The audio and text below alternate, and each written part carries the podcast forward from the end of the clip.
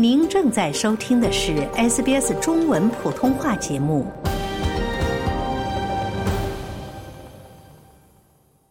今年是澳大利亚医疗保险成立的四十周年，这是工党为使医疗保健系统尽可能简单、廉价和公平而推出的一项政策。它允许所有澳大利亚人和一些海外游客以低价或免费获得一系列医疗和医院服务。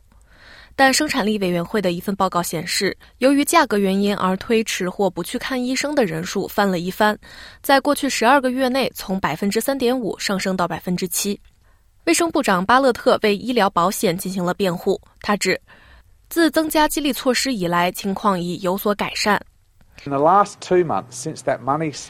自这笔钱开始向普通诊所倾斜以来的两个月里，我们看到了全额报销的增加。仅在十一月和十二月这两个月里，就增加了三十六万次免费就诊。去年十一月，政府将医生的全额报销激励措施提高了三倍，以鼓励更多的全额医生诊所提供全额报销服务。十一月份的数据显示，在政府为福利卡持有者、十六岁以下的儿童和居住在城郊地区的患者提供额外支付后，全国范围内的全科医生的全额报销率上升了二点一个百分点。全州和各地区提供全额报销服务的全科医生诊所数量都有所增加。塔斯马尼亚州的增幅最大，达到五点七个百分点，其次是南澳大利亚州，为三点八个百分点。卫生部长表示，这些额外激励措施的影响主要体现在各城郊地区。我所说的那些额外的免费就诊，其中一半以上都是在主要城市之外的，那里的很多人都在获得全科医疗服务方面有困难。卢瑟福是澳大利亚城郊医生协会的首席执行官，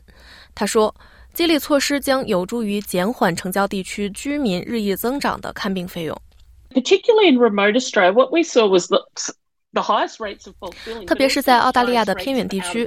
我们看到的是最高的全额报销率，但同时也是最高的自付率。这表明，在整个病人群体中，需要有一个平衡交叉补贴和支持，以确保全科医生能够继续工作。而随着全科报销激励增加三倍，自付费用的增长也将稍有放缓。据澳大利亚皇家全科医师学院称。由于生活成本的压力，去年八月的年度全额报销率创下十年来的新低。这反过来又给医疗系统带来了压力，更多的人推迟看病或根本不去看病。原因在于没有全额报销的保障下，预约费用将会很高。罗布森是澳大利亚医学协会主席，他告诉 ABC。一个很大的问题是，行业无法吸引年轻医生的加入。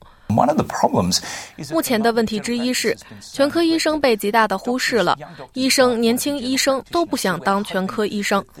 因此我们希望这些激励措施能让全科医生这一职业重新变得有吸引力。我们将有更多的全科医生来接受培训，这将缓解医疗系统的压力，使澳大利亚人能够得到他们所需要的医疗服务。但反对党副领袖苏珊莱批评了政府对增加医疗保险投资的决定。他说：“解决生活成本危机是实现医疗无障碍更有效的途径。” If this government cared about your health costs, they would do something. 如果政府关心你们的医疗费用，他们就会在生活成本危机方面有所作为，这样澳大利亚人就能真正看得起病。想想食品杂货，想想电价，想想保险，想想重返校园以及由此产生的所有费用，想想普通的澳大利亚人所面临的生活成本危机吧。了解澳洲，融入澳洲，欢迎登录 sbs 点 com 点 au 前斜杠 language 前斜杠 mandarin。获取更多澳大利亚新闻和资讯。